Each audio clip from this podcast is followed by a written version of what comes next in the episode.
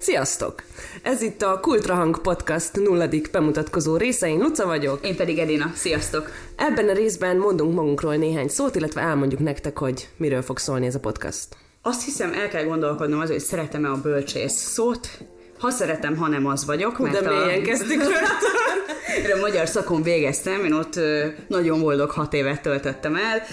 Mindezt azért egyébként, mert a BA-m után felvételiztem a színművészetire, mint szerintem mindenki a bölcsészkaron, és egy szép nagy zsegberúgással az egyetem azt mondta, hogy köszöni szépen, de nem kér belőlem a további öt évre, amit akkor nem fogtam fel, de nagyon-nagyon jól jött nekem, és egy drámatagozatos középiskolában kezdtem el dolgozni, onnan színházba mentem tovább, mint szervező, és tulajdonképpen azóta is ezt csinálom, most egy technológiai cégnél vagyok szervező, és azt gondolnátok, hogy nagyon különbözik, de nem, mert az emberek nem különböznek nagyon, és hát most egy kicsit távolabb kerültem bizonyos értelemben a mindennapi kultúra szervezéstől, de pont ezért nagyon örülök, hogy itt ülünk, és erről beszélgetünk Lucával. Igen, ez nagyon szuper.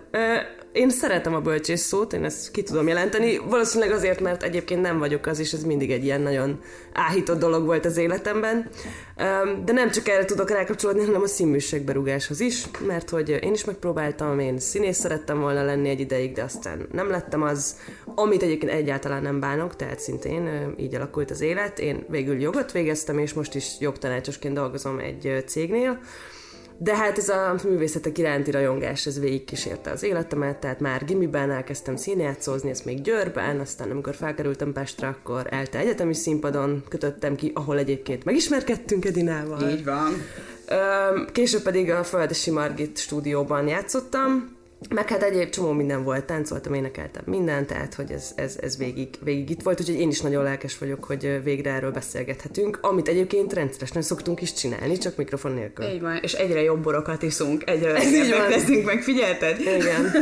Mert hogy tulajdonképpen mi azt gondoljuk, hogy egy jó művészeti alkotásnak a befogadásának ez tökre a része, tehát hogyha elmész egy színházba, vagy elolvastál egy könyvet, és utána még mindig munkál benned, ami ö, abban a műben megérintett, akkor azt tök érdemes Így, kibeszélni abszolút. egy jó társaságban. Igen. Úgyhogy körülbelül ezt is szeretnénk csinálni ebben a podcastban, és ez tulajdonképpen oda visz minket, hogy nem szeretnénk vállalni, hogy a legaktuálisabb, legtrendibb művészeti ö, alkotásokról beszélünk, hanem inkább olyanokról, amiket mi nagyon szeretünk, és mi már előszűrtünk nektek, tehát tulajdonképpen ilyen értelemben ajánlóként ö, szeretnénk funkcionálni, hogyha valami a leírásaink alapján nektek is megtetszik, akkor ti is be tudjátok engedni magatoknak. Így van, és ez azért szokott is működni a közeli ismeretségi körünkben, tehát ezt észrevettük, hogy ahogy a te tavalyi Facebook posztod is mutatja, Edina részt vett egy ilyen hétnapos kihívásban, ez a hét nap hét könyv, amikor minden nap megosztott egy olyan könyvet, amit ő szeret, vagy már olvasott, és úgy gondolja, hogy érdemes elolvasni. És hát óriási sikerre ment a sztori, mert a hét napból 30 lett, a három követőből meg 103, és így írtak nekünk egy csomóan, vagy hát neked, hogy ne hagyd abba, nekem pedig, hogy milyen jó könyveket rak ki az Edina.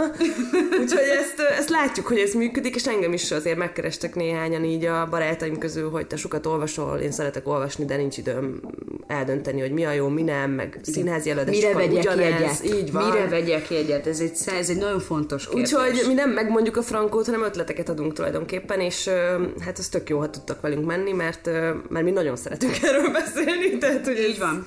És sokat is fogunk erről beszélni, már érts, hogy két hetente fogunk jelentkezni egy-egy új résszel, és minden résznek meg lesz a maga tematikája, ezt úgy osztottuk be, hogy egyszer beszélünk irodalomról, aztán egyszer színházról, egyszer zenéről, és egyszer pedig minden másról, és ezek ismétlődni fognak. A minden másban minden vele fér, tehát hogy akár fesztivál, akár egy jó film, valami, ami nagyon megérintett minket, vagy amihez vendéget sikerül hívnunk. Így van. Mert hogy az ismeretségi körünkben szerencsére van egy csomó nagyon izgalmas ember is, akinek a művészetében vagy a gondolatában hiszünk, és Így szeretnénk, hogyha ti is megismernétek őket. És majd jól meghívjuk őket beszélgetni. Így van. Illetve veletek is szeretnénk beszélgetni, ezt pedig a social médián ö, fogjuk megtenni. Ö, van egy Instagram fiókunk, amit Kultrahang néven találtok meg, és ö, ide majd mindig kiposztoljuk a legújabb témákat, a vendégeinket, az újdonságokat, illetve hogy mikkel készülünk nektek, tehát ezt érdemes követni.